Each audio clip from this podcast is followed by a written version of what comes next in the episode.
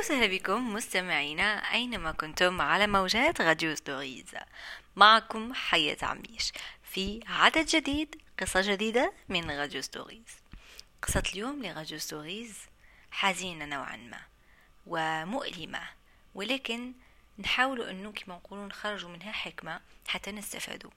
هذه من إحدى أهداف Radio Stories قبل ما نبدأ نقول لكم شكرا على حسن المتابعة والإصغاء عبر منصة Spotify Apple Podcast Google Podcast Anchor أو أي منصة أخرى تسمعوني فيها. وكذلك ما تنسوش تتابعوني عبر انستغرام حياة أميشة وفي قناتي حياة أميشة عبر اليوتيوب. قصة اليوم هي قصة فتاة آه يتيمة آه ما على بالناش شكون الأم الأب والأم نتاعها تكفلوا بها عائلة. العائلة هذه كانت عندهم بنت فقدوها.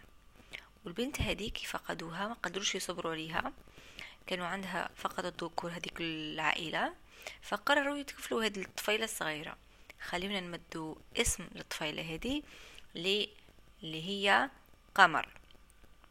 طيب خلينا نقول لكم إنه قمر هذه تربت وسط هذه العائلة وسط الذكور هذو لخوتها آه، بالتكفل فقط تربت معهم فقط.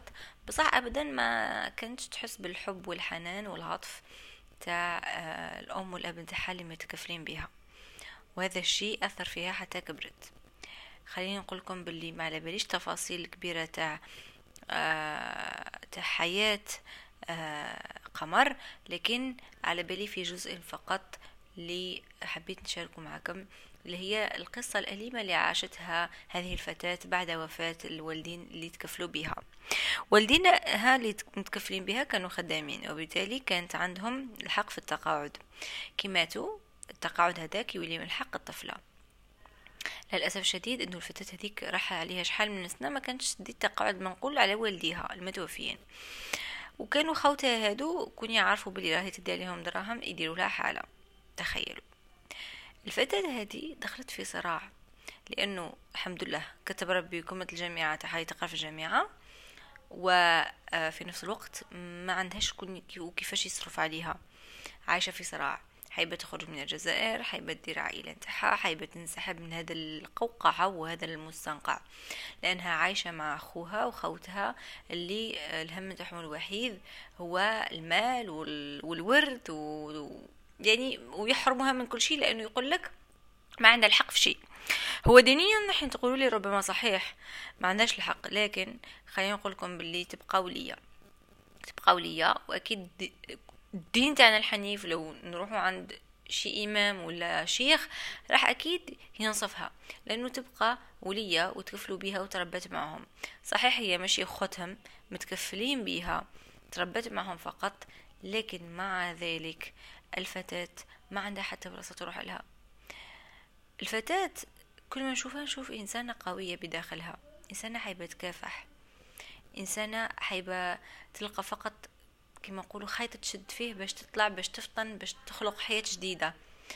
آه عايشة في ظل قوقعة في ظل صراع في ظل حرب باردة في هذاك المنزل وراهي تقاوم يوميا.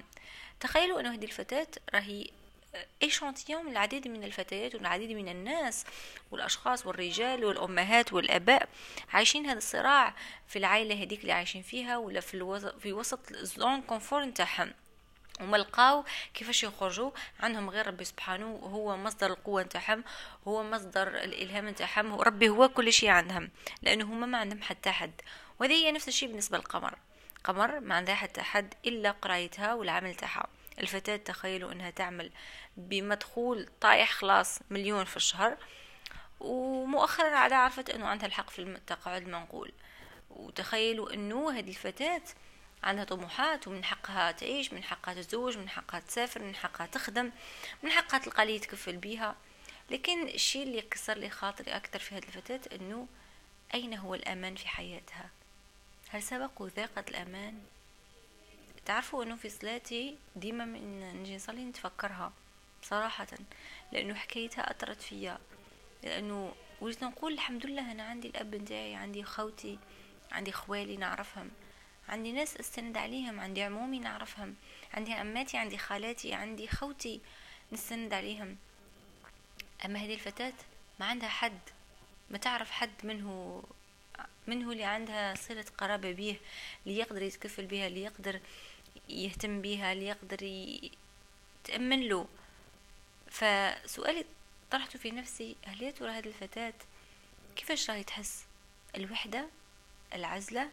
الغرابة في ظل أنه الكثير من الشباب والمراهقين والشابات يتدمرون يوميا على الأهالين تاعهم اللي ما يعطوهمش حق باش يروحوا يتكساو ولا حق ما يروحوا يخرجوا برا ياكلوا ولا يحرموهم من شيء معين لمصلحتهم ولا ولا كون يعني يصرى توبيخ ولا قلة احترام من الابن أمام أبوه تجي كي شغل حاجة عادي وكي شغل هذاك الطفل عنده الحق. مفروض نقولوا إنه كاين أطفال وكاين شباب على بالهمش وش يعني تكون عندك الأمان. أما أنت عندك الأمان أنت عندك نعم بزاف. كاين بزاف تاع يتامى كاين بزاف تاع أطفال كاين بزاف تاع أشخاص كبروا بدون أمان بدون حنان بدون عطف ها؟ ما نقولوش فاقد شيء لا يعطيه. أنا أؤمن إنه ربي سبحانه هو اللي يرزق. فهذه الفتاة يعني ما نكذبش عليكم. أني قابلتها وشفتها حنينة تقتل. ما شاء الله عليها تبارك الرحمن. تقول ربي سبحانه زارع فيها كل شيء من الجمال والرقة والبراءة والنور. سبحان الله. وكيد ربي سبحانه راح يعوضها.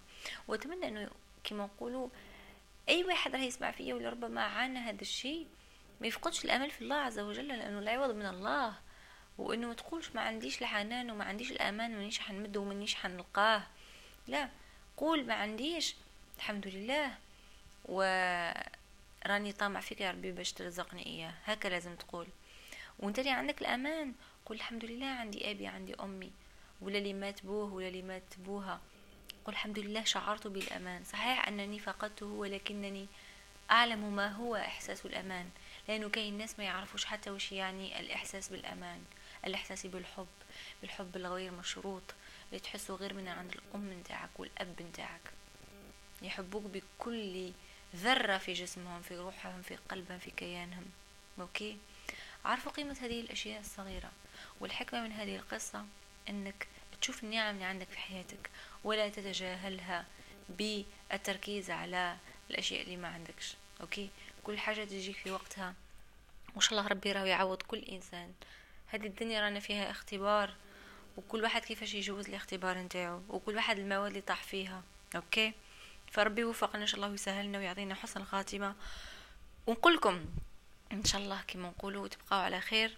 ونعطيكم موعد في العدد المقبل من Radio Stories. كانت معكم حياة عميش صانعة محتوى. سلام.